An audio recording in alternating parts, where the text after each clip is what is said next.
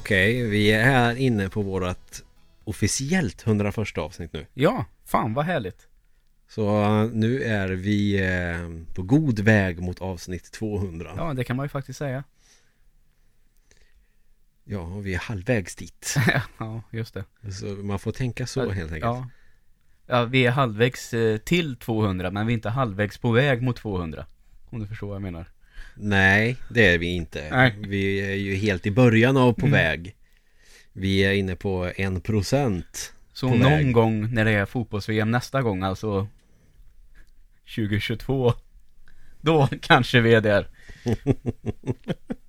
Nej då, det, ja, vi har ju fått upp ett bättre tempo, så det, det tar nog inte lika lång tid som från det första till 100. Ja, men visst är det så. Och vi tänkte vi skulle inleda avsnittet med eh, att nämna att vi har, eh, vi är sponsrade den här veckan Ja, faktiskt. av eh, Kjell-Åkes Bondega. Ja, Och det, då är det så här då att de har ett specialpris den här veckan och då är det fläsk och bruna bönor ja, och en stor stark. och en stor stark. Och Joel, hur mycket kostar detta kalaset? 79 kronor. Ja, så riktig svensk husmanskost alla Kjell-Åke och en stor stark för 79 spänn. Ja, det kan jag säga att vi har ju varit där ett par gånger nu. Mm. Man säga att det är riktigt, riktigt vasst husmankost alltså.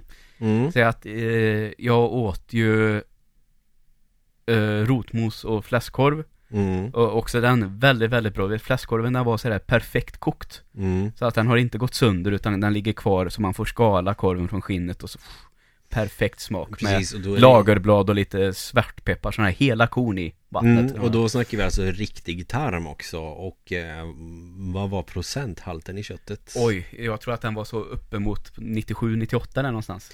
Så att då, är, då snackar vi tuggmotstånd liksom Ja. Riktigt bra fläskkorv och rotmos Och den här veckan så är, är det då stekt fläsk och bruna bönor då som är den stora paradrätten för denna Och då är det så här att eh, Om man vill ta sig till eh, Kjell-Åkes Bondega Då måste man åka ut till Långserud och så är det bara att fråga den lokala befolkningen var man kan hitta denna eminenta plats Ja. och detta kräver också att du blir medlem Och Ja. detta kan ju du så då bli genom att Skicka ett mail och bli en del av den här mailcirkeln då Och eh, så får du Du får med i ett mail så får du ditt medlemskort som du då kan skriva ut själv Du Ja. visar bara upp detta i entrén så har du Full tillgång till Kjell-Åkes Bondega Ja, Som är våran sponsor den här veckan ja. Tack Kjell-Åke. Ja, tusen tack Kjell-Åke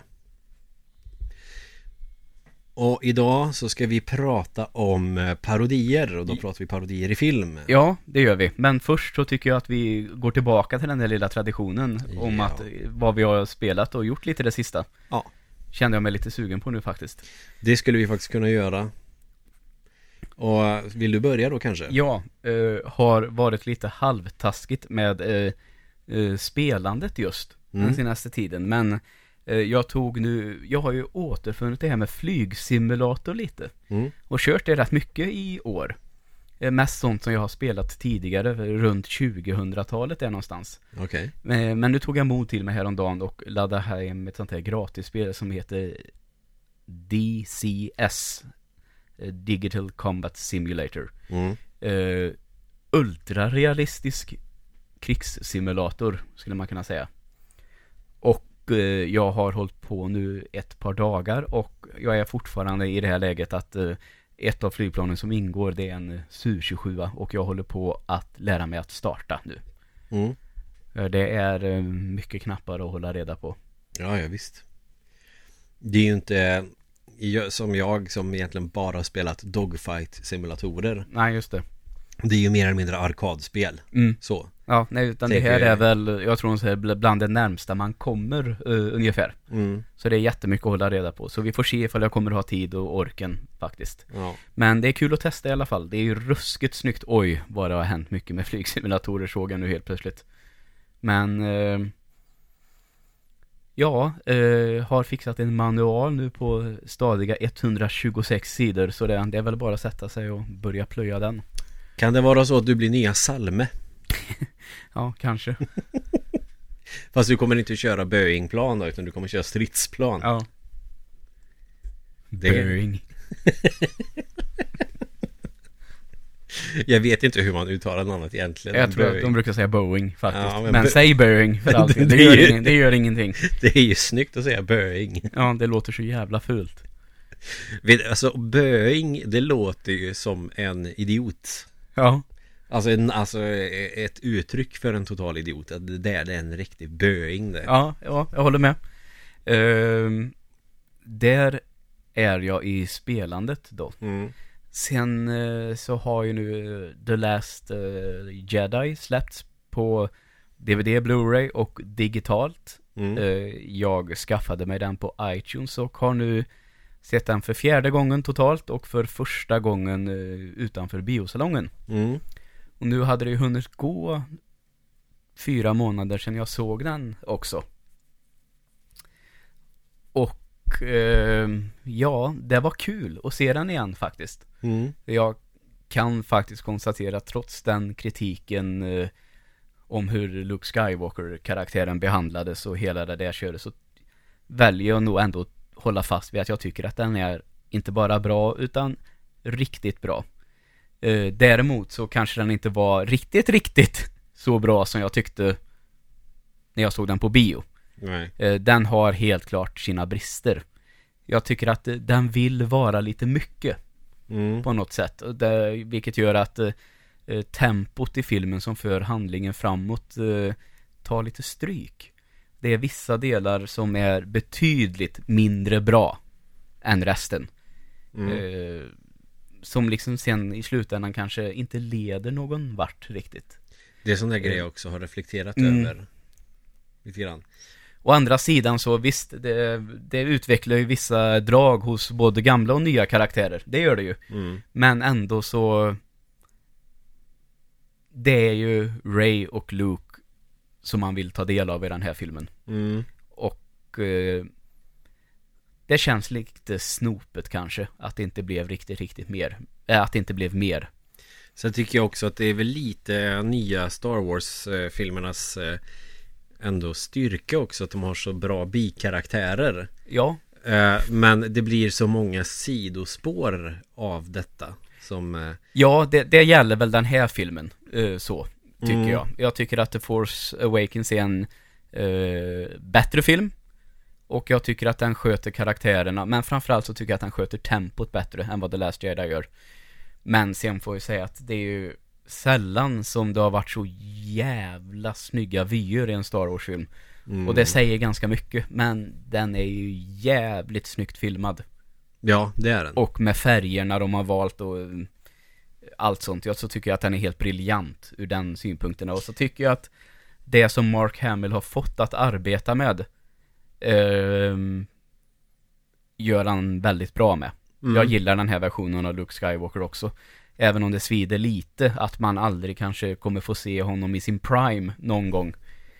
Eh, Kanske kan tycka att det Och nu får jag säga, nu har den varit ute ett tag. Både gått länge på bio och funnits ute ett par, tre veckor att köpa. Så nu eh, säger jag väldigt kort och spoiler alert Om du inte har sett den så hoppa fram någon minut Mm. eh, Så tycker jag att det är lite onödigt att döda honom Ja, så tidigt kanske. Ja, det, jag tycker på något sätt att det hade varit mer gåshud ifall den mer eller mindre hade slutat med att han lyfte upp sin X-Wing Mm. som han inte klarade att göra i The Empire Strikes Back och stack därifrån. Ja, man får ju inte se riktigt hur mäktig han blev. Alltså, Nej. det är ju bara kanske sista scenerna i eh, eh, Return of the Jedi och då är det ju dessutom inte han som fixar allting. Det är ju Darth Vader Mm. som vänder och Ja. liksom löser allting som Mm. håller på att gå åt helvete. Och sen kan man ju säga då att man är ju jävligt mäktig ifall man kan projektera sig till andra sidan galaxen mm. liksom att göra en avbild av sig själv där, naturligtvis, men eh, det finns mycket mer där som hade varit kul och som kanske hade kunnat vara med i nästa film. Det, Ja. det suger ju lite tyvärr, men nu, nu är det gjort och Ja. jag tycker ändå att det blev bra som det blev. Eh, och eh, även om Mark Hamill är sådär härligt passiv-aggressiv mot Ryan Johnson nu i intervjuer som är efteråt och liksom säger helt uppe så här att eh, jag köper inte att Luke Skywalker har blivit sån här. Det hade inte en Jedi gjort. Nej. Eh, visst, eh, men eh, det är väl ändå på något vis så jävla komiskt också i det hela att Force Awakens eh, känns ju väldigt inspirerad, klassisk Star Wars. Mm. Eh, det tycker fans är dåligt. Och sen när det börjar hypas upp inför det läste jag, där jag har kollat rätt mycket på sån här eh, Star Wars Theory, eh, en kanal som heter så. Och liksom kommer med teorier, teorier, så här vill jag ha det och folk så, oh vad coolt det vore. Och liksom de lever in sina drömmar i förväntningarna Mm. och tar även någon av de här gamla, gamla böckerna som faktiskt, handen på hjärtat, är ganska illa skrivna. Där Luke är någon form av nästan gud, liksom klarar allt. Mm. Och bygger upp det här är ju vad vi vill ha, fansen vill ha det här. Men så är det kanske då på ett vis äntligen någon som bryter mönstret lite och gör en helt annan grej. Och det, det här är inte Star Wars. Men, Alltså det, jag tycker liksom att det går, den är, Star Wars-fans älskar Star Wars. Mm. Och sen finns det en annan klump som hatar allt som kommer. Mm. Och eh, de är väl omöjliga att tillfredsställa helt enkelt, alla. Men det är så komiskt att det här blev ju lite, tycker jag, vad många hoppades att Force Awakens skulle vara. Något som var nytt i den här genren, och det fick vi. Men ändå blir det fel. För det är mycket element i den som de tog lite risker. Och det kan man ju ändå gilla. Ja, man kan ju inte göra en film baserat efter vad fansen vill ha. Nej, precis, men det För känns att då som... hade ju folk klagat på det. Det här var alldeles för förutsägbart. Det här visste vi redan att det skulle hända. För det var onödigt att se på den här filmen. Ja, Och Det som jag tycker är ju att eh, det blir ju lite antiklimaktiskt eftersom man får ju, jag vet inte, tidsuppfattningen i den här filmen är ju rätt fuckad med att det ska utspela sig under 18 timmar men det känns som att det utspelar sig under 18 månader nästan. Eh, Och då tycker jag att det blir antiklimaktiskt när Ray ändå liksom eh, det här uppbyggandet för att mjuka upp Luke Mm. Skywalker så att han ska ta sig an henne och så tränar han henne under typ en scen Ja. när hon ska slappna av och känna kraften. mm, Eh, och sen eh, han håller sig på en plats hela tiden och sen då i slutet när han kommer och tänker man nu blir det en fight mellan honom och Kylo Ren. ja, Eh, Då är han ju bara typ ett hologram mer eller Ja. mindre och sen så försvinner han. mm, Det blev rätt antiklimaktiskt så här i efterhand. När jag såg den första gången och andra gången så tänkte jag men det här är ju coolt. Det är ju mm. eh, liksom spännande att de tar död på karaktären. Men ja, de gör det lite för fort och kanske liksom som att ja, vill man, man vill ju lära känna Luke Skywalker efter att han hade räddat hela galaxen. Ja, Inte nödvändigtvis att han måste vara med mycket och att man måste få massa Luke Skywalker som jag tänker att ja det vill jag ha. nej, För att det är klart som fan att det är de nya karaktärerna, den nya generationen som ska ta över. ja, Men eh, de får honom att framstå som en grinig gammal gubbe som Ja. eh, gör minsta möjliga för att han Mm. orkar liksom inte. nej. Och då känns det som att karaktären blir lite Men som sagt, jag eh, gillar den också. Ja, Men jag tycker det hade varit onödigt, det var onödigt att ha ihjäl honom. Det är det som irriterar mig. För då hade vi kunnat få den andra när han är tillbaka och har liksom tagit sig i kragen. mm, Eh, Då hade vi kunnat få det i nästa film. Vilket kanske fortfarande inte är helt omöjligt. Man vet ju aldrig. Så ska man väl säga också. Alltså han hade ju kunnat dö i mitten av nästa film Efter att ha, inte fan vet jag, varit tuff Och så Ja. sen bara, nej nu är jag färdig Mm. Eller klarat sig. Det spelar ingen roll alltså. Det, men vi hade kunnat få se mer av Luke Ja. än vad det blev. För han är ju en sån, han blir ju en sån stor legendar Mm. Alltså hela hans eh, upptåg Alltså att det är en sån stor grej Att han är en sån himla stor karaktär som man bygger upp en sån stor hype i första filmen och så gör han egentligen ingenting i Nej. andra filmen Precis. Mer än finns till Ja. Sen tycker jag att det är intressant att det här, vet i Empire Strikes Back, den här eh, olika debatter och diskussioner hur länge Luke egentligen är och tränar med Yoda. mm. För det känns ju också som ett par dagar.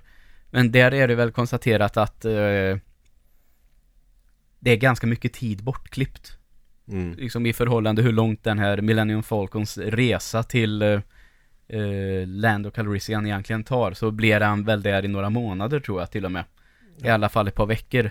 Det kanske är Eh, olika tidsrymder i olika, på ja, olika planeter Tänker att man kan tänka lite så. Man vet inte egentligen i vilket förhållande det är Ray kommer dit. Alltså, det, Nej men så tänker jag också i den filmen Mm. att de är ju på olika planeter Dels så har vi de som är uppe i rymden som blir attackerade av den nya imperiet mer Mm. eller mindre Och sen har vi eh, Finn som är i det här jävla kasinot och ränner runt Och Ja. sen så har vi Ray som är i, Alltså jag tror att det är nog helt olika tidsrymder Alltså ja, två månader på en, ett ställe kan vara en timme på en annan plats ungefär så.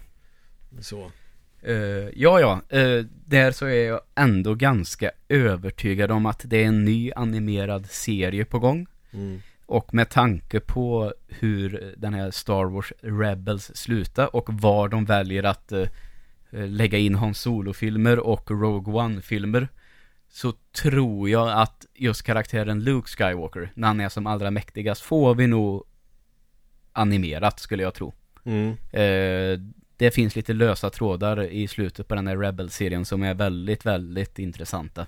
Okej Med karaktärer och så, så det, det skötte de jävligt snyggt, slutet på den. mm. Eh, så se den. Det är fyra säsonger, går rätt snabbt om man verkligen ger sig fan på att se den. Det är ju, eh, för dem oftast de är 30 minuters avsnitt också. Mm. Så de kan ligga på 20, 40, 50, vad blir det?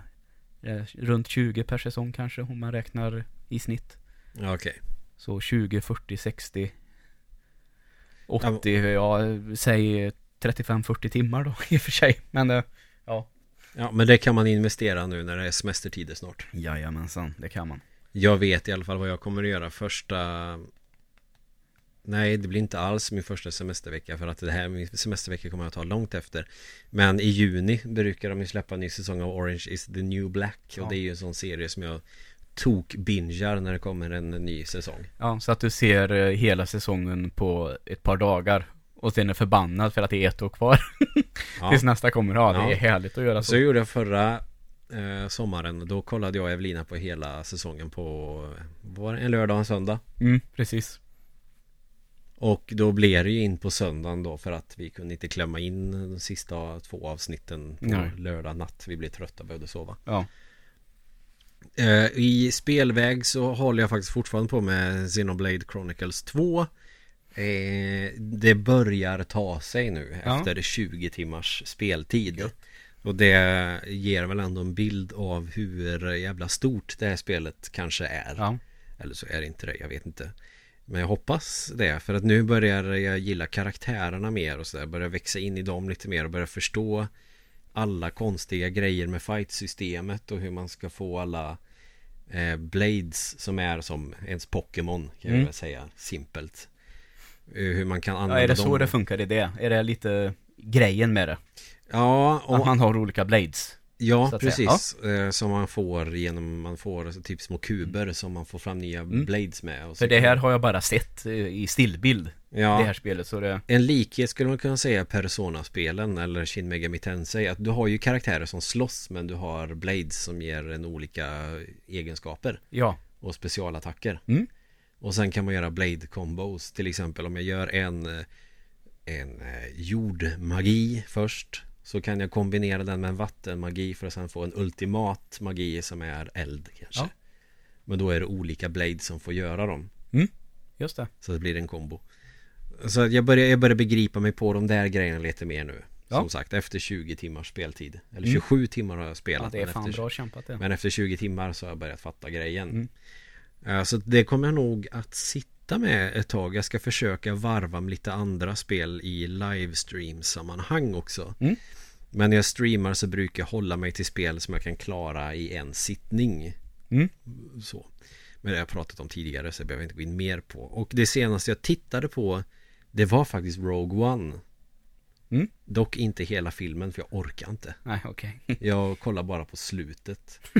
eh, det var Fredrik som också spelar gitarr eh, i mitt band. Han var hemma här och så han hade börjat titta på den och tänkte att han skulle kolla färdigt på den. Mm. Medan jag grejer med annat. Eh, men då tänkte jag det att ja, men jag kan se slutet i alla fall. Ja. Och kände liksom att eh, det är en film som jag nog bara ser en gång. Mm. Jag eh, håller nog ändå fast vid att så jävla bra är den inte. Alltså den, det är ju inte Star Wars-klass för fem Nej, öre. det är bra action tycker jag. Ja, Ja, Jag tycker att den är bra. Den har mycket saker som liksom är det är, Den har många brister Ja, men det är en stark Så. 6 av 10 tycker jag. Ja, typ Så. Så det är väl det jag har tittat på senast. Jag har säkert sett någonting annat men inte eh, orkat bry mig riktigt Nej, så. det. Det brukar bli så för att filmer ser jag oftast på tv och då brukar jag alltid göra någonting Mm. annat under tiden som jag ser på den filmen. Typ spela dator eller någonting. Mm. Så. Sen kan jag väl också nämna kort att jag har börjat spela Doom 3. För jag tänkte att det här är ju ett spel som jag ändå är rätt intresserad av att spela. För många som spelade det när jag var yngre. Jag gjorde inte det själv, för jag var Nej. inte så intresserad. Mm. Eh, och jag är inte jätteimponerad. Nej. Det är rätt tråkig action för att fienderna kan man inte akta sig för. Action går ut på att döda fienderna så fort som möjligt innan du själv dör. mm.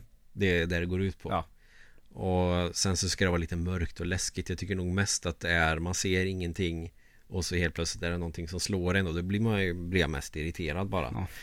Men jag gillar eh, stämningen på det. Det är ändå rätt snyggt trots att det har 14 år på Mm. nacken eller någonting. Uh, minns jag, det kom väl i samma veva som det första Far Cry kom Ja, det är Jag möjligt. kommer ihåg att de ställdes lite mot varandra i de här två väldigt, väldigt snygga spel där kanske Dom 3 arbetade mycket med mörker och skuggor, Mm. alltså sådär ljus uh, nivåer medans Far Cry egentligen var raka motsatsen i en väldigt ljus och tropisk miljö. Mm. Så det var lite olika kontraster och man visade upp, eh, ja, bara den tidens grafikkort eh, och när man hade ultra settings på de spelen så var det dräggelgodis. Mm. Nej, Men, det, men alltså för 2004 års standard så är ju Doom 3 ganska snyggt. Mm. Det som är jävligt fult är ju att alla huvuden är ju lika kantiga som tidiga PS1-spel.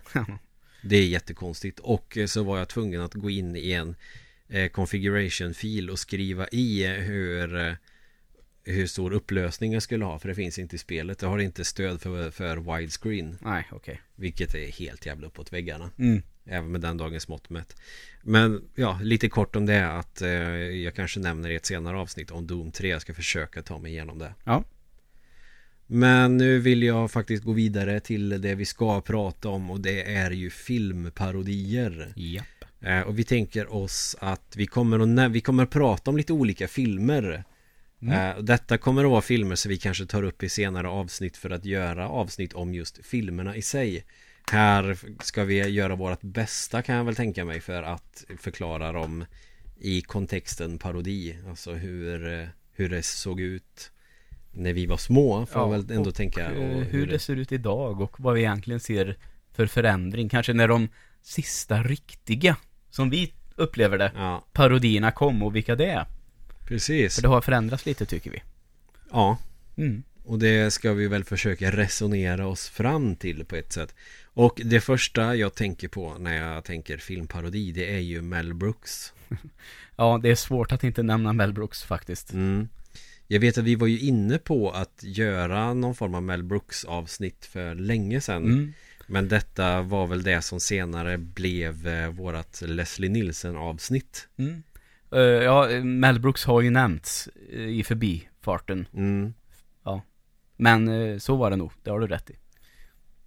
Och då har vi, alltså vi har skrivit en lista på lite filmer Vi försöker att få en bra blandning här nu på rätt populära filmer som Som är parodier Och Ska vi kolla på Mel Brooks Spaceballs kanske nu när vi ändå har pratat Star Wars en Ja. liten stund Nu är vi ändå inne i den stämningen Ett mindset där vi har rymden i huvudet och det kanske lyssnarna också har Då är det väl en naturlig övergång in på Spaceballs. Eh, För det som Då kan vi ha den som en liten mall här nu för parodi för att eh, I de här filmerna så är det ju oftast en film eller fler filmer. Alltså då tänker jag väl eh, Vi ser Star Wars Episod 4 till eh, 6 då som en film. Mm. så Så har ju den ändå ett källmaterial som den går från Som en röd tråd och sen så tar man in lite allt möjligt skit från Andra filmer eller andra sådana grejer som är aktuellt i politiken eller andra liksom popkulturella fenomen Ja. och den här filmen tror jag jag såg eh, när jag var, fan kan jag ha varit 6-7 år? Ja, det kan nog stämma. Eller är den eh, senare än så kanske? Ah, Skitsamma. Nej, alltså jag... Det, det här måste vara en 80-talsrulle kanske. Ja, det tror jag. Då, ja. Tänk om den har- gör parodi på Star Wars 77 och så, ja den måste vara från 80-talet. Mm. Det är ju inte svårt att kolla upp. Nej. Jag har DVDn här så tittar vi, ska vi se 87 Mm. Nej, jag såg den inte när jag var ett år Nej. Eh, jag vet ju, jag hade ju sett Star Wars. Och de var jag nog 7-8 när jag såg. mm. Säg att jag kanske var lite äldre, kanske 10 då. När jag fick syn på den här. Tror jag. Mm. Kan hända att den gick på en sån där eh, fredagsmys eller lördagsfilm. På fyran eller något sånt där. Mm. Eh, så man har ju, alltså nu var det inte, inte så länge sedan, det är väl ett par år sedan jag såg den nu. Eh, men fram till den gången, då hade jag nog inte sett den sedan jag såg den första gången. Eh, och det här har vi varit inne på lite sånt, eh, när man ser den typen av parodi med, ja, som barn Mm. och sen som vuxen så får man lite en annorlunda bild av det. Mm. Den kan antingen vara bra eller inte bra. Men jag tycker att jag tror att jag garvar mer åt Spaceballs nu än jag gjorde när jag var tio. Mm. Alltså det känns som att Star, där Star Wars är perfekt när man är tio bast, Mm. kanske. Och upptäcker det, fungerar hur bra som helst. Så känns det som att parodin är lite svårare. Ja, Och jag vet egentligen inte varför, för att den här, igen, åh, de har gjort så här med den, åh, det är ju Hans Sol, åh, det, åh, de har gjort så här. Och så kan man garva åt det. Mm. Men det var nog som att jag inte riktigt kopplade när jag var tio år. Som att jag inte begrep mig på riktigt vad en parodi var. nej, jag tänkte mest bara att det, det är en liknande film där man har lagt till pruttskämt ungefär Ja, jo.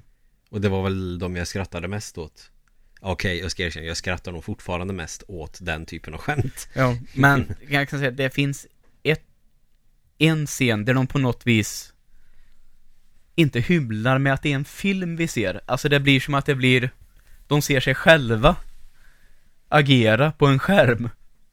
Men det känns som att det är ganska vanligt, gör det inte det? Jo, eller? men det fattar jag ju inte. Det tycker jag är skitkul idag. Mm. Det gjorde jag inte när jag var tio. Och hur de beter sig då, när de vä- vänder sig om och tittar in i kameran och sådär. Det tycker jag är skitkul i den Det är här filmen, men det också. fattar jag ju liksom inte vad det var som var kul med. Och frågar någon mig idag, varför är det roligt? Ja, jag, jag vet inte vad jag ska svara. Alltså det är bara så jävla... Vad är det han heter, den där jävla skådisen som försvann totalt, som är Dark Helmet? Ja, typ Rick Moranis Rick. Moranis. Han ser så jävla dum ut i den här rollen. så det är liksom hela hans uppsyn som blir så jävla roligt i den här jätteliten och asstor hjälm som man inte kan andas igenom utan måste öppna hela tiden. Och han är ju lite ständigt återkommande i många sådana komedier också liksom på 80-talet och han är väl en karaktärsskådis också, Mm. lite nördiga, försynta Uh, jag är med i två Ghostbusters-rullar och de här Älskling, jag krympte barnen och Älskling, jag krympte oss själva. Och alla Jag de, förstorade barnet ja, alla de där är, är han ju med i, bland annat. mm. Eh, glasögon ser lite nördig ut. Om Mm. ni inte vet vem det är så är nog det en ganska bra förklaring. Men han är ju också en sån där skådespelare som man känner igen direkt när man ser honom i en film bara, Ja men det här han har sett Mm. förut Och, men också en sån där skådis, det händer ju emellanåt som liksom självmant väljer att kliva åt sidan. mm. Och sen som kanske har gjort någon film här och där, eller någon liten roll här och där. Men som liksom aldrig kommer tillbaka mer. Nej, men han var ju alltså Var väl aldrig huvudkaraktär på det sättet i någon film Nej. Eller någon, Det- eller bra på att vara den typen av huvudperson man lever sig in i liksom Nej. Men han var väldigt rolig. Ja Och här har de ju gjort, alltså Det är ju också det här att man tar källmaterialet och så gör man det liksom så absurt det bara går Men också jävligt tydligt med vad det är man driver med Ja. Och Star Wars är egentligen ganska lätt att driva med för att det är ju en väldigt tydlig och eh, lättsmält film. Ja, visst är det så. Och det råder ingen tvekan om att det är Star Wars heller som du säger, att man gör ju det tydligt. Det, alltså det här var ju, när jag var yngre så blandade jag ihop den här av Star Wars, vilken scen som var från vilken film. Ja. jag trodde ju länge att Yoda hette yoghurt. Yoghurt ja. Som parodikaraktären såklart Mm. heter. Och sen har man väl gjort att huvudkaraktären, alltså här tycker jag väl att man har gjort helt rätt till att göra Han Solo till huvudkaraktären. Men att man har Mm. blandat ihop Han Solo och Luke Skywalker Ja. då till en sån här karaktär. Och, och så har han ju naturligtvis en jättestor hund som heter Barf. Som eh, John Candy spelar som tyvärr inte heller är med oss längre. Nej, Det, men det är väl ett tag sedan å andra sidan. Han måste ju dött eh, 94. Typ. ja någonting sånt. Jag tror jag har som minnesregel att det är samma år som Sverige tog VM-brons i fotbolls-VM. Och det är lätt att komma ihåg då ifall den frågan skulle dyka upp någonstans någon gång. Ja, ja, ja, ja. Det är säkert en sån där fråga som kommer att dyka upp någon gång. Ja, man vet aldrig men Säkert lite väldigt snart när vi ändå har pratat om det. Ja, precis. Mm, men också då att då har man här väldigt tydliga liksom Star Wars Han har varit över 24 år. Ja men säg inte sådär nu för fan 32 känns inte mycket men när man säger hur länge sedan det var någonting släpptes eller kom eller som hände då känns det hemskt alltså Mm. En annan sak, min brorsdotter tog körkort idag Ja, grattis till eh, Moa Moa, ja just det. Ett stort jävla grattis för det är svårt att ta körkort Mm. Och dessutom gå på gymnasiet samtidigt Jag kan Mm. inte föreställa mig det Ja. Det måste varit hemskt Det är säkert, absolut. Eller så är det eller så mycket bättre än vad jag är på att plugga helt enkelt Kanske. Så är nog fallet faktiskt mm. men, men sen så får man in lite så här andra grejer med det här för att göra det intressant och man driver med lite andra olika filmer eh, När jag kollade på den här sist så var det dock inte jättemycket jag tänkte på så det kanske är fel referens att dra nu Men vi, vi kommer dit när vi pratar om andra filmer också Vi får inte stanna för länge på den här men den är jävligt rolig Och den känns ju jävligt Star Wars Ja, det gör den. och de gör det här sandfolket till eh, De sjunger ungefär som dvärgarna i Snövit också Det är också en sån här grej När jag såg Star Wars Men ska inte de Gå och sjunga som de sju dvärgarna? Det tyder ju ändå på att de har fångat ändå känslan av Star Wars i den Ja, här ja, filmen på något absolut. sätt Mm. Eh, Och så Darth Vader karaktären då Vad fan är han heter i den här filmen? Dark Helmet. Yes Ja. eh, Och så har man då med de karaktäristiska andetagen Mm. och så visar det sig att han har satt någonting i halsen Ja, Det är därför det börjar hosta som fan svårt att andas. Och jag tycker också att det är så jävla kul För att det är också en sån grej som jag tänker på mycket För att Darth Vader är ju en väldigt ikonisk karaktär eh, Väldigt karaktäristiskt utseende Man blandar inte ihop honom med någonting Man vet Darth Vader Man Mm. ser direkt vad som är Darth Vader Alla vet vem Darth Vader är Men den här Tyska andra världskrigs doftande hjälmen han har Den ser faktiskt lite dum ut Ja, jo, det, Tycker jag det är klart. Den... Det är lätt att se på det och fnissa på något sätt. Jag vet inte, det är svårt att förklara, men alltså... Nu gillar man det för mycket för att göra det, men det är klart om man... Alltså, jag, jag skulle kunna säga så här då. Det som jag tycker att... Om man gör den... Två centimeter större, Mm. så ser det inte klokt ut. Nej, och det, har Så. de, och det har de ju tagit tillvara på Ja. på den här parodin Mm. Genom att de har gjort den här hjälmen stor så in i helvete Ja. Men är alltså han ser ju ut som Det är väl bilskrot eller någonting som Mm. har pressat ihop och gjort honom av typ Ja, ungefär så. Och sen eh, alla de här grejerna Alltså för att det är ju rätt avancerad dräkt som Darth Vader har Mm. Det är ju liksom Den här luftpumpen och fan vet vad det är han har på Mm. magen Här Ja. har han ju kaffeautomat och allt Mm. möjligt liksom Mm. Ja, respirator som han egentligen har och Ja så någon form av, så att han äter ju den där dräkten. Jag har ju läst de här jävla serietidningarna nu. Mm. som Marvel gör. Eh, som bygger ut karaktären Darth Vader på ett jävligt bra sätt faktiskt. Mm. Som liksom eh, utvecklar loren lite, Mm. skulle man kunna säga. Man säger, hur käkar han? Har man alltid funderat på lite sådär. Ja, Och det finns i, i dräkten också. Det beskrivs som en, eh, en vätska med väldigt mycket energi men som smakar som det vidrigaste du kan tänka dig. Det har den här dräkten i typ 25 år. Åh, fy fan. Ja. Och namnet Spaceballs, alltså de gör väl parodier på olika mm, reklamer och såna här grejer också. Mm. Det, det är ju också sådana där inslag som dyker upp i en del filmer. Wayne's World är ju, perfe- är ju grymt bra på det Ja. här. När han har massa Reebok-kläder. It's just sad. Ja. När han pratar på folk gör det bara för pengarna och så har han bara Reebok på sig. Ja. Men eh, jag tänkte också på någonting som jag Nu börjar jag tappa det lite grann men det är skitsamma Alltså Har de Jo, de har ju inte de här Stormtroopers och det är väl här Spaceballs namnet kommer in att alla har ju bollar på huvudet Ja.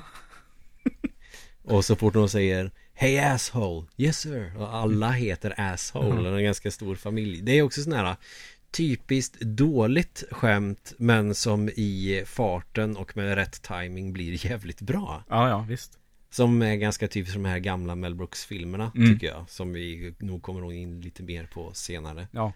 Eh, de här som nästan alla ihop heter något med Det våras för. Mm, exakt Eh, utom en, som jag kommer på nu, i stort sett. Karlar i trikåer Ja. Ja, det, den hade ju kunnat heta Det våras för Robin Hood Ja. Den känns ju också dessutom rätt logisk den titeln Men den har de inte Nej, det är jättemärkligt. Eh, det är som, som jag tycker, det finns en som är Den brukar inte gå på tv så ofta. Det känns som att den har flugit lite under radarn, men jag kommer att jag har garvat åt den fruktansvärt mycket och det är den som heter Life Stinks. mm. Som får då namnet på svåra, Det våras för slummen.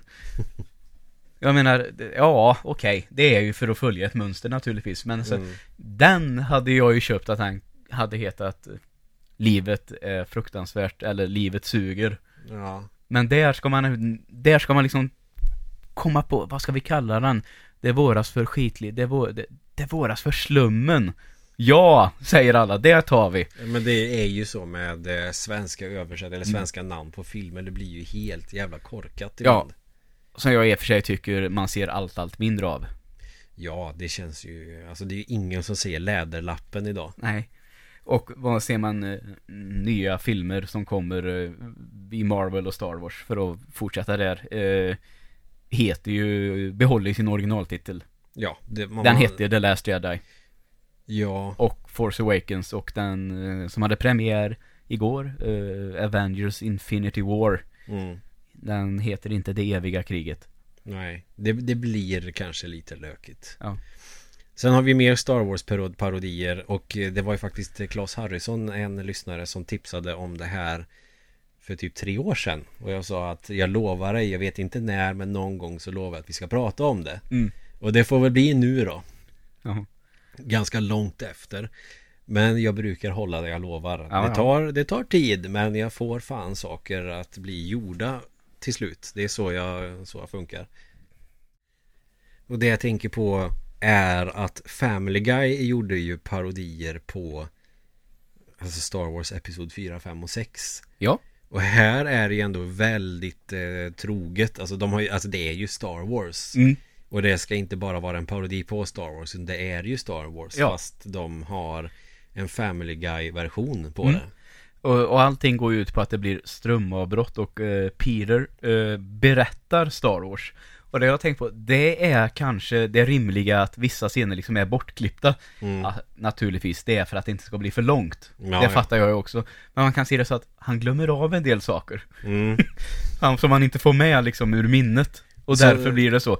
Men vissa saker är ju, om man säger frame by frame. Mm. Exakt samma vinklar och allting. Mm. Vilket är jävligt häftigt. Och där lyckas de också ta tillvara på sådana här eh, små, små detaljer. Som man har reagerat på lite. Det som du pratar med, det här med att eh, Sju dvärgarnas sång, att du har tänkt Mm. så och någon annan bör ha tänkt likadant. Så är det ju från Empire Strikes Back. När eh, de ska ge sig av och börja slåss på Hoth, där i början Mm. så är det en karaktär i Empire Strikes Back som säger att det känns som jag kan eh, ta mig an hela imperiet själv. Och det är ju en så jävla märklig kommentar.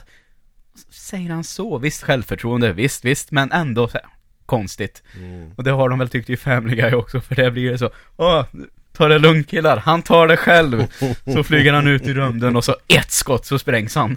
För det är ju som att Här har ju eh, Är det Seth MacFarlane han heter Som ändå har fått så här Ja nu kan jag göra allt det här Du vet när man sitter ett gäng polare och tittar på en film Och kommenterar just sådana här detaljer Mm. Och då kanske han skulle göra det här Här har han ändå kunnat ta sig friheten att hur skulle det se ut om det blev så? Ja. Ja, det skulle förmodligen bli så här. Ja, Vilket precis. slutar med att han åker på stor, storspö. Men var det inte så också att han var väl jävligt trött på att göra Family Guy och gjorde de här på kul? Mm. Men eh, jag tror inte att han hade bett om tillåtelse Nej. för att göra de här. Men att George Lucas tyckte väl att det här var så pass jävla roligt så att det kör bara. Ja, liksom. de sa det. Eh, hela teamet bakom Star Wars egentligen sa väl vi älskar det. Vi Mm. garvar som fan. Jag tror att Seth har sen sagt, det har berättat att han var riktigt jävla nervös. Ja. Ja, det, vem skulle inte vara det Ja. liksom? Eh, men det finns mycket detaljer som de gör roliga saker av. Ja. Och sen också att eh, det är lite som att Family Guy-karaktären ändå är lite medvetna om att det är de på ett sätt i en sån här film. Sen har de ju valt ut olika roller till de här olika karaktärerna Mm. i Family Guy och valt rätt roll för rätt karaktär. Att det är Ja, ja. Stewie som får bli Darth Vader till exempel och det är Chris som är Luke Skywalker och Mm. Peter som får vara Han Solo och eh, Brian är Chewbacca naturligtvis och ja. harklar sig och sen kan sen prata normalt. Ja, Man ska driva med de där lätena. Spottar ut vatten. Och var, varför jag då tycker att det är ändå relevant att ta med Family Guy-delen i det här. In, ja, dels för att det var väldigt eh, eh, bra av Claes att eh, tipsa om det här. För att eh, jag har ju fått fundera lite på det också. Men det är att det här är nog kanske det absolut senaste som känns som en bra Mel Brooks-klass parodi på Ja, ja, någonting. För visst. att det är väl det som Family Guy har i sig på något sätt som Mm. tv-serie. Ja. Kanske inte Mel Brooks klass. Här har de ju Det är som att de har tagit det bästa Eller det bästa, nu låter det som att jag tycker att Family Guy är bäst av allt. Det tycker jag absolut inte. Men att de har tagit Det som de själva tycker om från Simpsons och South Park Och sen gjort det till en egen sjukt dysfunktionell familj. Ja. Och sen då detta i ett Star Wars-universum. Alltså det Det är en jävligt bra blandning. Mm. Och så har de väl gjort Meg som det här sandmonstret från Return of the Jedi Det är Ja. väl hennes enda roll i de här det? Nej, också den där eh, maskorm-liknande saken som bor i asteroiden. Ja just Är hon också.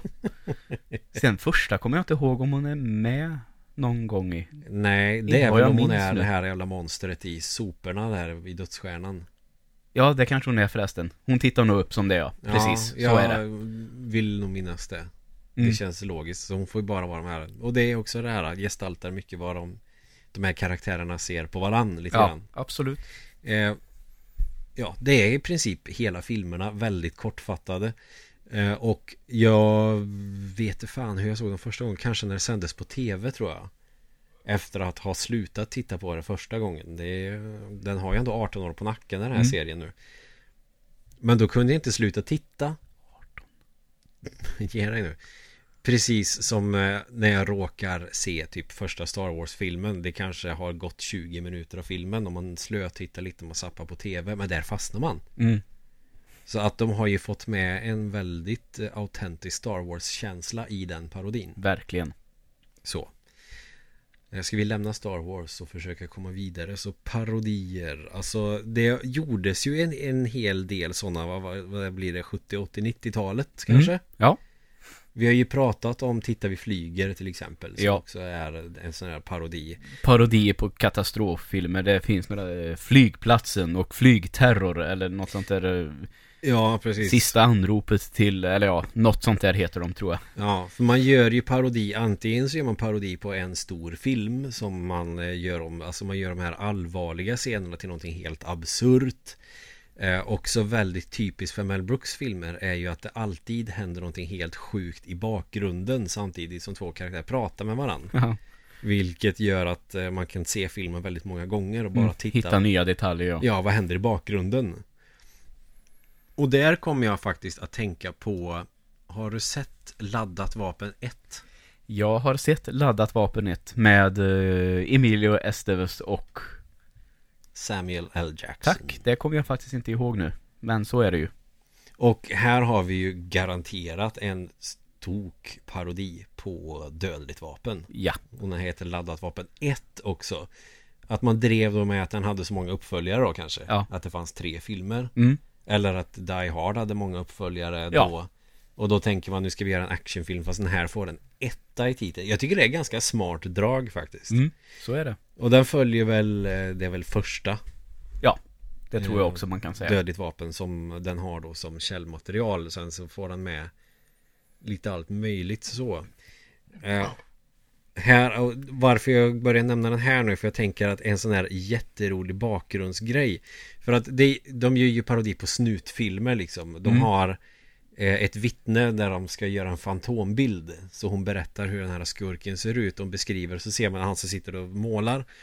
Och då är det ofta i sådana här filmer att eh, man ser någonting som ser seriöst ut. Mm. Sen byter de vinkel och så är det någonting helt sjukt. Ja, ja. Och här är en sån jävla rolig scen när de sitter på polisstationen och hon berättar eh, om någon läskig person, en ful gubbe eller någonting. Och då gör han, du vet, en sån här potato head. typ. En sån här potatis som man sätter i öron och Ja, ja. på lite olika ställen. Eh, är med i Toy Story som eh, Mr Potato va? ja, Som, Ja, om, ni, ja. om ni inte vet. Mr Potato säger vi. Och sen är det lite senare i någon scen, de står ute på en parkeringsplats och då vet jag att Charlie Sheen är med också. En sån här typ Piccolo eller någon sån här. I, eh, Emilio Esteves bror faktiskt, ja. Ja, precis. Eh, han heter väl typ också så här, typ Carlos Esteves Ja, egentligen. han har dubbla namn allihop. Och deras fars, farsa Martin Sheen. Han heter också Esteves. Ja, precis. Så då vet vi det, att det är familj hela bunten. Ja. Men då ser man när de står på parkeringsplatsen, då händer en sån här grej i bakgrunden att det är några poliser som griper en person och då är det Mr Potato som de griper. Och jag tycker att den scenen är så in i helvete rolig. Ja, men det är ju väldigt, väldigt smart humor tycker jag. Och eh, går väl i teorin att missa. Om man tittar väldigt snabbt. Mm. Till och med. Ja. Därav att det finns i den här filmen också ett sånt eh, se igen-värde. Mm. Nu hittar jag inte det ordet jag sökte egentligen, men Nej, men det, det, vi fattar ju vad du menar. det, det, det, får, det får vara bra så. Ja. Liksom. Och det vet jag, det sa min pappa tidigt till mig. För jag brukade titta på många sådana här filmer när jag var yngre. Att eh, titta på vad som händer i bakgrunden. För det är ju där allt kul liksom är. Och det blir en sån härlig kontrast när det är två seriösa karaktärer som pratar om någonting som ska framstå som seriöst. Mm. Men i bakgrunden så händer någonting helt jävla absurt. Jag älskar sånt. ja, verkligen. Det är det och sen är det när man pratar om någonting som man uppfattar som någonting allvarligt och så är det någonting fullt trivialt. Eh, Det är också, det finns ju många exempel på det i sådana här filmer men om vi håller oss till laddat vapen det är ju när Emilio Esteves karaktär pratar om Det är ju som med Mel Gibson, hans karaktär, det är ju hans fru som har blivit mördad Ja. Eller vad den fan det nu är Ja, det kommer fram i den andra rullen sen att det faktiskt är ett mord. Ja, Ja. Att hon är död i alla fall, han är helt Mm. förkrossad och är här och bor i någon husvagn. Och då är det Emilio Estevez som pratar om Claire. Och hur han pratar om hur fint de hade det tillsammans och hur de brukar slicka honom på bollarna och såna här grejer. Folk bara mm. Mm. Och så får man se då när han pratar med ett foto med den här Claire, hur mycket han saknar henne. Och så ser man då, så klipper de igen då. Så man ser fotot och där är ju en hund. jag vet, men det är någonting med just den typen av scener som jag tycker är så jävla underhållande. Ja. Även om man fattar när man ser en sån film att nu kommer det vara någonting jävligt dumt. Ja, jo. Och så älskar jag också att när han går in i husvagnen för det är verkligen den här dekadensen när man bara borta från allt folk men så minimalt som möjligt lever i någon jävla husvagn och så går han då in i den här lilla husvagnen så är det ett palats inuti. Ja. det tycker jag om. Sen är det en annan scen, nu är det inte mer att jag bara ska sitta och återberätta scener men som jag tycker ändå känns hemligt. Och det är, det är ju skurkarna ska ju försöka spränga hans husvagn. Ja. Och då spränger de ju en husvagn i små bitar. Mm. då är det Bruce Willis som står där nere. Och bara, oh, wrong house. It's okay. Ja. Och jag undrar fan om man inte ska vara John McClane i den scenen. För Ja. han ser precis ut som han gör. Jag tror inte att han är med i credits i, i, efter filmen. Nej, det är väl en sån där... eh, Ja, fan också. Ja, alltså det är ju en sorts cameo med ja. uncredited. Oh, cameo. Ja. Eller hur fan man säger Nej, jag, jag vet inte, men det är också som böing och cameo. mm. Har du hört? Vad kul. Cameo kommer ikväll. Det var lite med flit Ja, ja, det gör så. inget. Det var Nej, bara roligt. jag- Jävlar vilken snärt det blev på dig förresten. Ja, men det gjorde inte, så, det gjorde inte ont. Nej, Nej. Eh, Nej men, men det är ju sån här, när jag inte vet hur saker ska uttalas då överdriver jag istället. Ja. Det är lika bra liksom. Mm. Mm, sen tror jag att de nämner också någonstans att det är någon karaktär som överlever och de säger sequel. och det blev ingen. Nej. Det finns bara en film Mm. och det är Dödligt vapen 1.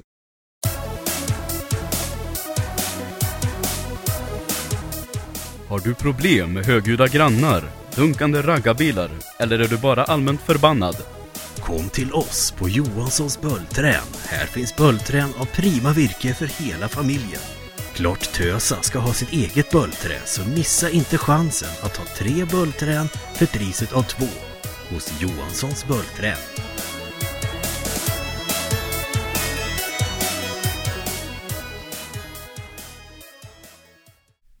En mer sentida sån parodifilm som kanske är egentligen den sista som känns som en parodi eh, på en film snarare än på ett eh, fenomen s- är Okej. ju Scary Movie. Ja, för fan. Det blir en hel serie till slut. Ja, där Men- de senare filmerna kanske blev mer liksom fenomen eller på många olika filmer. Att man tar många bitar från många filmer och gör parodi på. Eh, Men första är ju ändå jättetydligt att den följer Scream framförallt. Ja, eh, Scream. Och jag tycker ändå eh, den här, eh, jag vet fortfarande, jag vet vad du gjorde förra sommaren. Mm. Eh, de två skräckfilmerna som kom relativt tätt där, när den här slasher-genren återupprättades. Ja, Så de två tycker jag man kan säga att den första ska Och ändå också tycker jag man ser ett mönster i de andra också. Mm. Eh, tvåan gillar jag inte. Så den minns jag inte så mycket av, men vi är tillbaka till trean sen. Bara lite snabbt, så jag tycker det är väldigt, väldigt rolig. Som har eh, de här M. Night Shyamalan-filmerna, Signs och The Village, mm. som sina Nej jävlar, The Village, glöm det. Det är Scary Movie 4 också. Mm. Eh, Signs eh, och eh, The Ring, Mm. väldigt mycket. Så är det också två som sticker ut väldigt mycket. Mm. Så den tar inte så oerhört många Nej, någon gång, Scary Movie. Nej I precis. alla fall.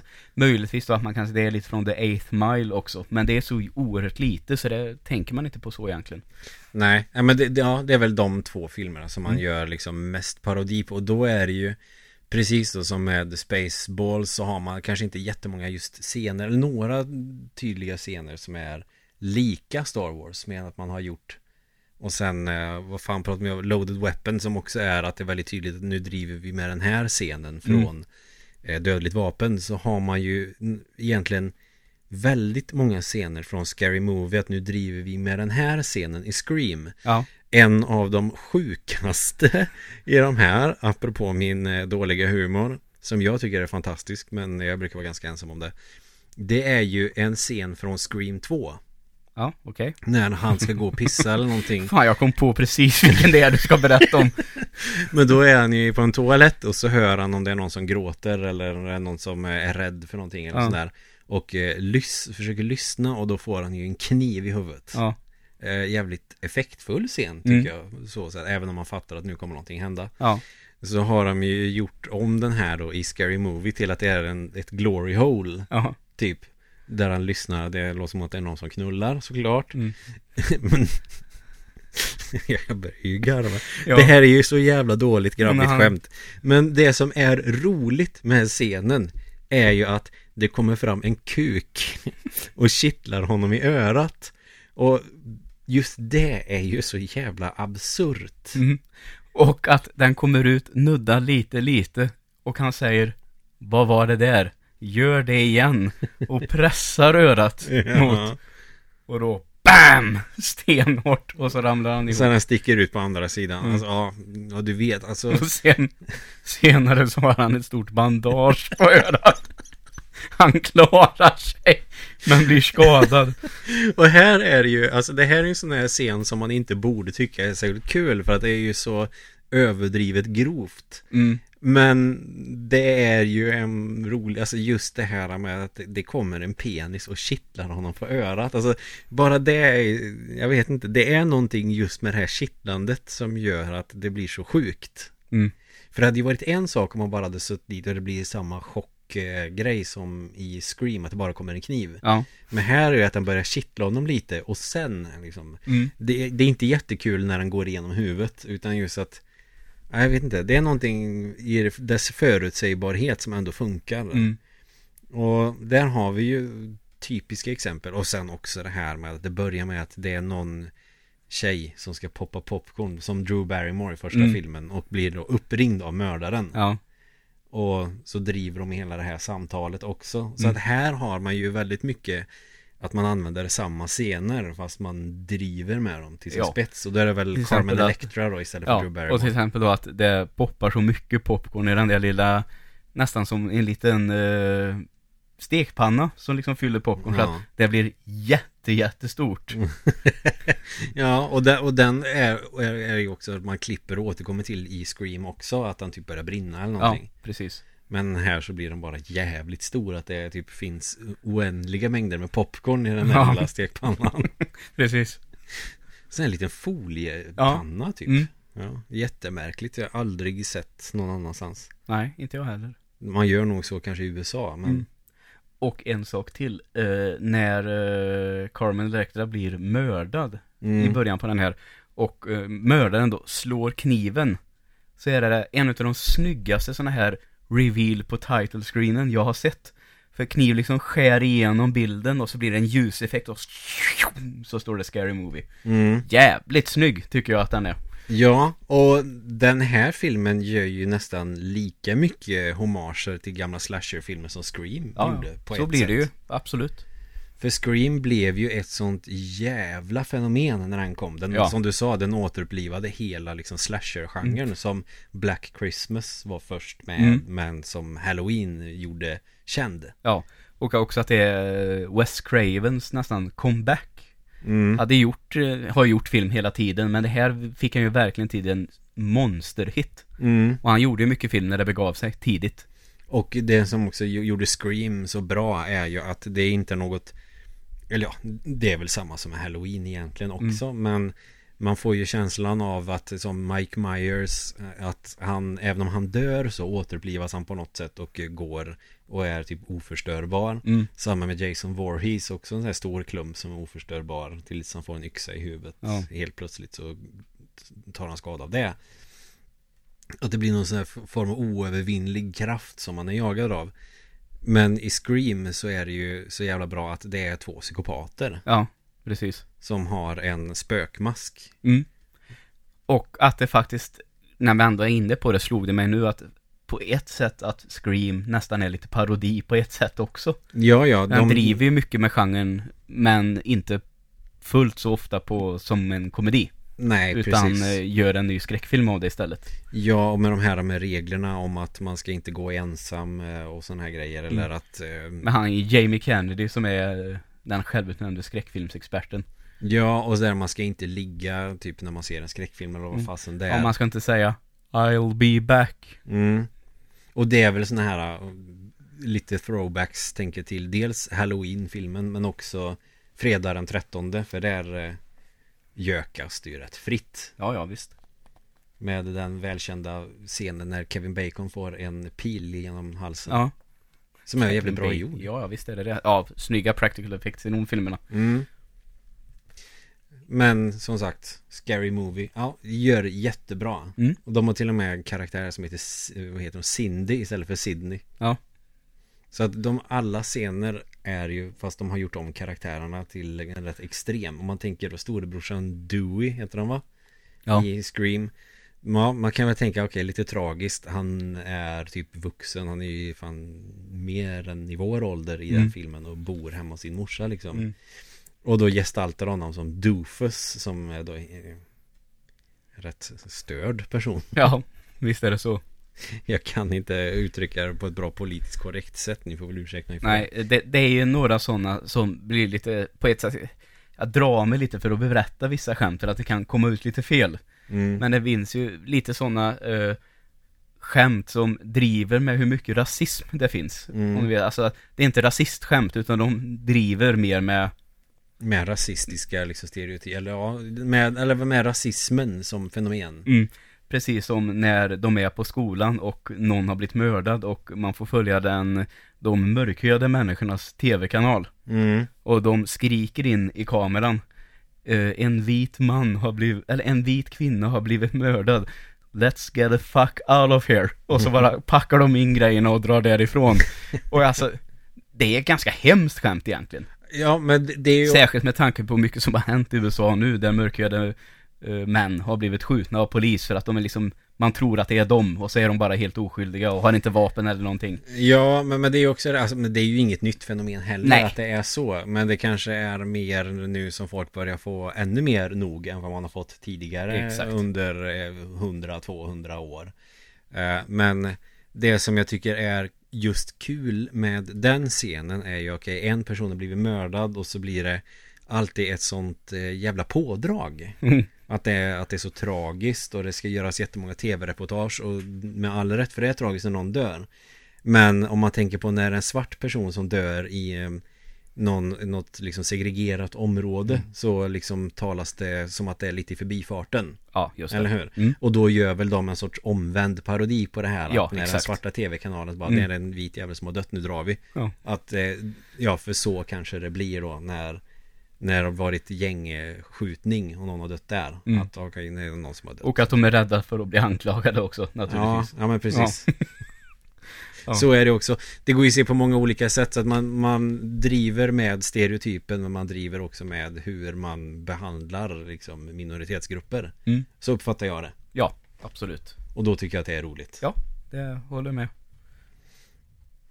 Sen har de ju med då är det mycket med den här masken också Att den har så många skepnader i Scary Movie också Och för att den blev ju ett sånt djävulskt fenomen Ja. efter Scream Alltså det var ju barn som hade den på Halloween Mm. Det fanns ju såna här masker Du hade en liten pump så det rann blod om den här masken Ja. och såna grejer Sån här dyr mask även Och eh, är ju alltså en mask som man använde i filmen Scream, en mask som finns på riktigt. Mm. Så den hade ju funnits länge innan det, det här Ghostface. Om det var det du menar nu va? När jag bara Mm. Ja men lite. den blev ju känd efter Ja, det liksom och eh, eh, ja, fick ju ett rejält eh, revive av den filmen i alla fall. mm. Sen någonting som jag tycker är riktigt roligt i de här Scary Movie-filmerna, att det blev ju ganska många.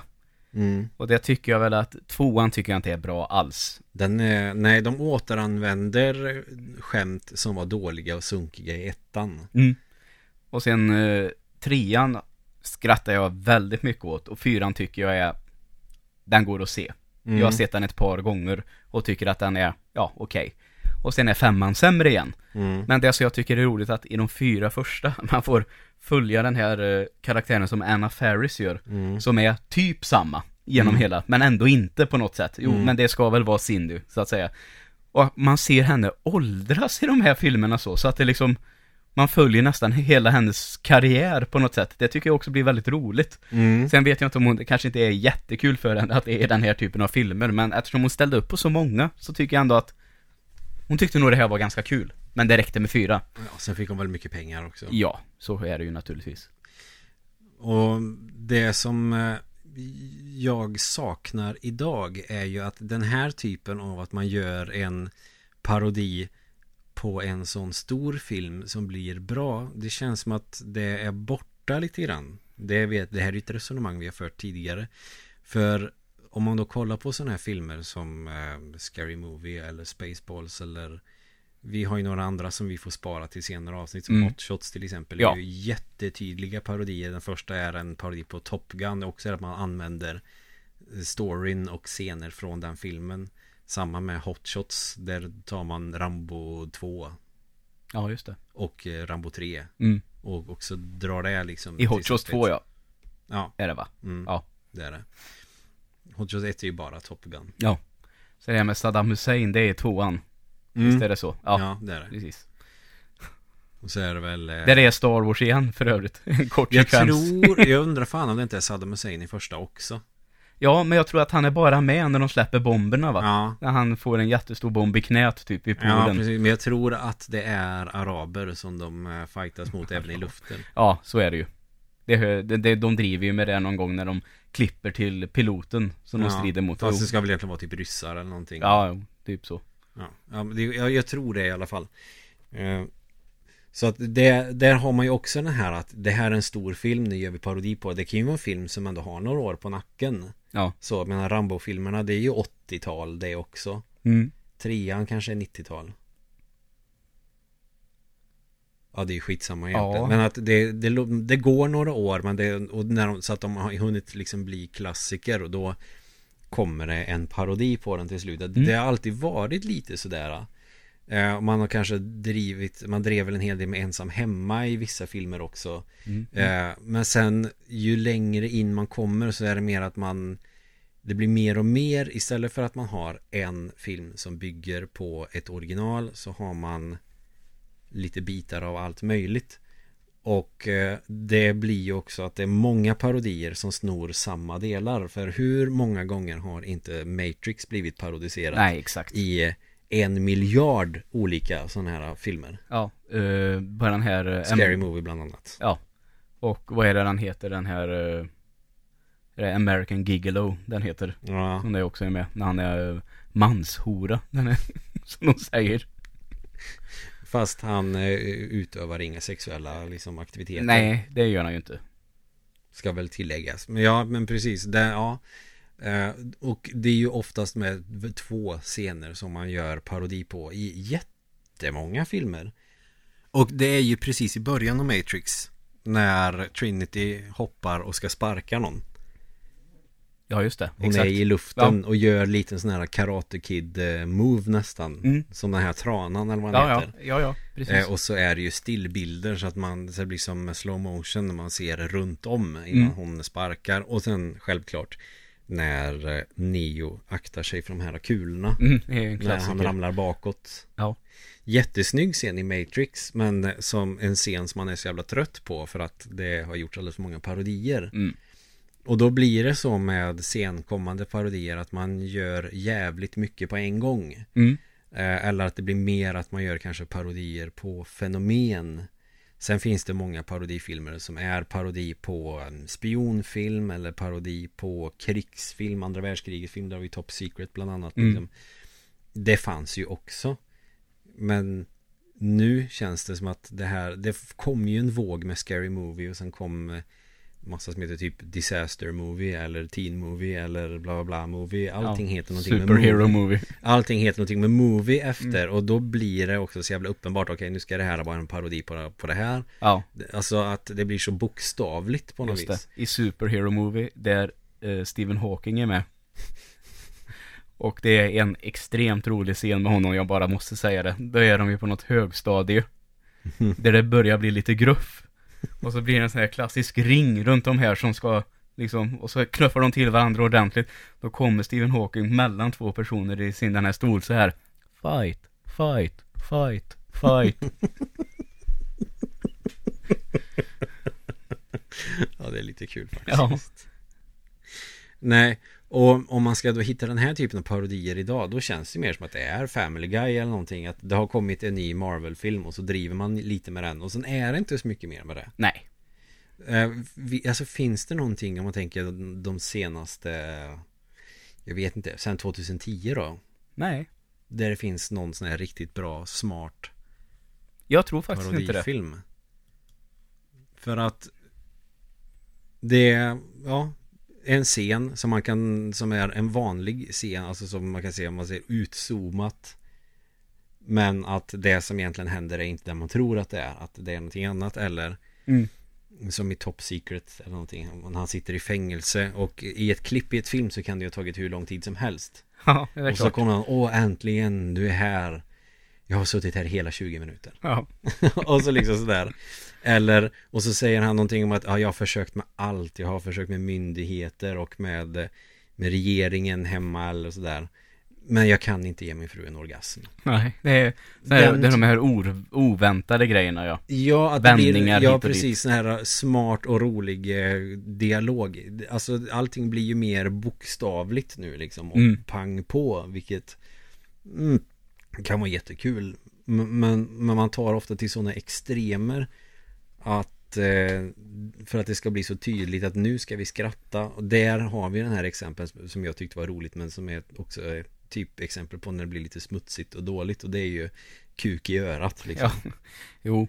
Det blir ju på den nivån Men slut. det är ju kanske bara den nivån ett fåtal gånger. Mm, Då funkar det ju. ja ja. Och det ballar ju allt som oftast ut väldigt, väldigt snabbt nu för tiden. Mm, och det var väl därför också såna här parodier dog ut med alla de här uh, movie-filmerna. Så är det säkert. För, och sen också med att det fanns så många scary movie. Jag tror, eh, jag såg ettan och tvåan. Tvåan tyckte jag egentligen bara var onödig. Den här scenen när han med sin äckliga hand står och petar i all mat. Ja, det, det är inte roligt för fem öre. Det är, det är ju inte det vi garvar nu men Mm. det, det är för att det är roligt att säga peta i mat. Det är det jag skrattar Ja, åt, jag bara det det var så uttrycket. jävla vidrigt. Jag kommer vi var på, ska inte säga nu, jag och en polare här var på en restaurang någon gång.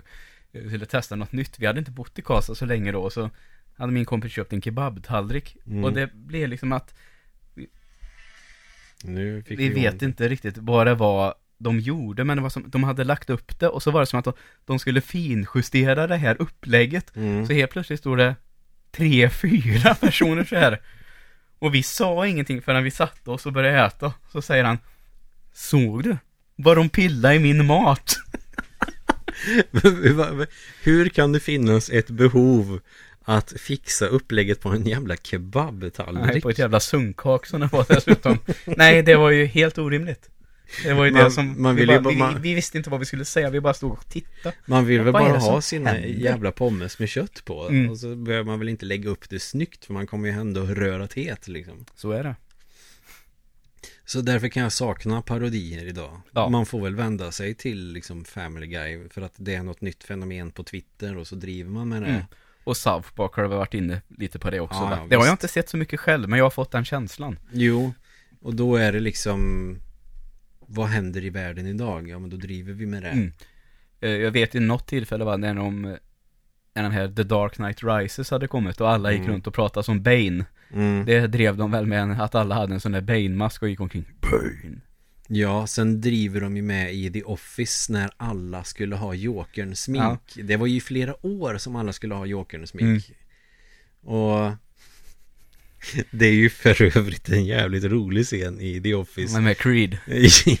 ja, och han säger det, let's put a smile on that face. Och han säger det så jävla otäckt. Ja. Damn it Creed, I've been up since five this morning. Ja, den är så har han också sånt Ja. Och det är Också- kul. När han går fram till Creed så stöter han till en tjej lite så att Mm. hennes såna här, om det är kaninöron, ramlar ner. det är små detaljer som är väldigt roliga. Från amerikanska The Office. Ja, ska väl också tilläggas. Men där, det är där man hittar olika parodier, men då är det mer på typ samhällsfenomen. Ja. Så att, eh, ja, jag saknar Mel Brooks. Ja. Och eh, Sucker. Och Sucker. Mm.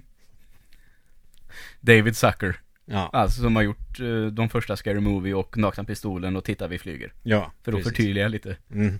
Jag fattar inte heller först.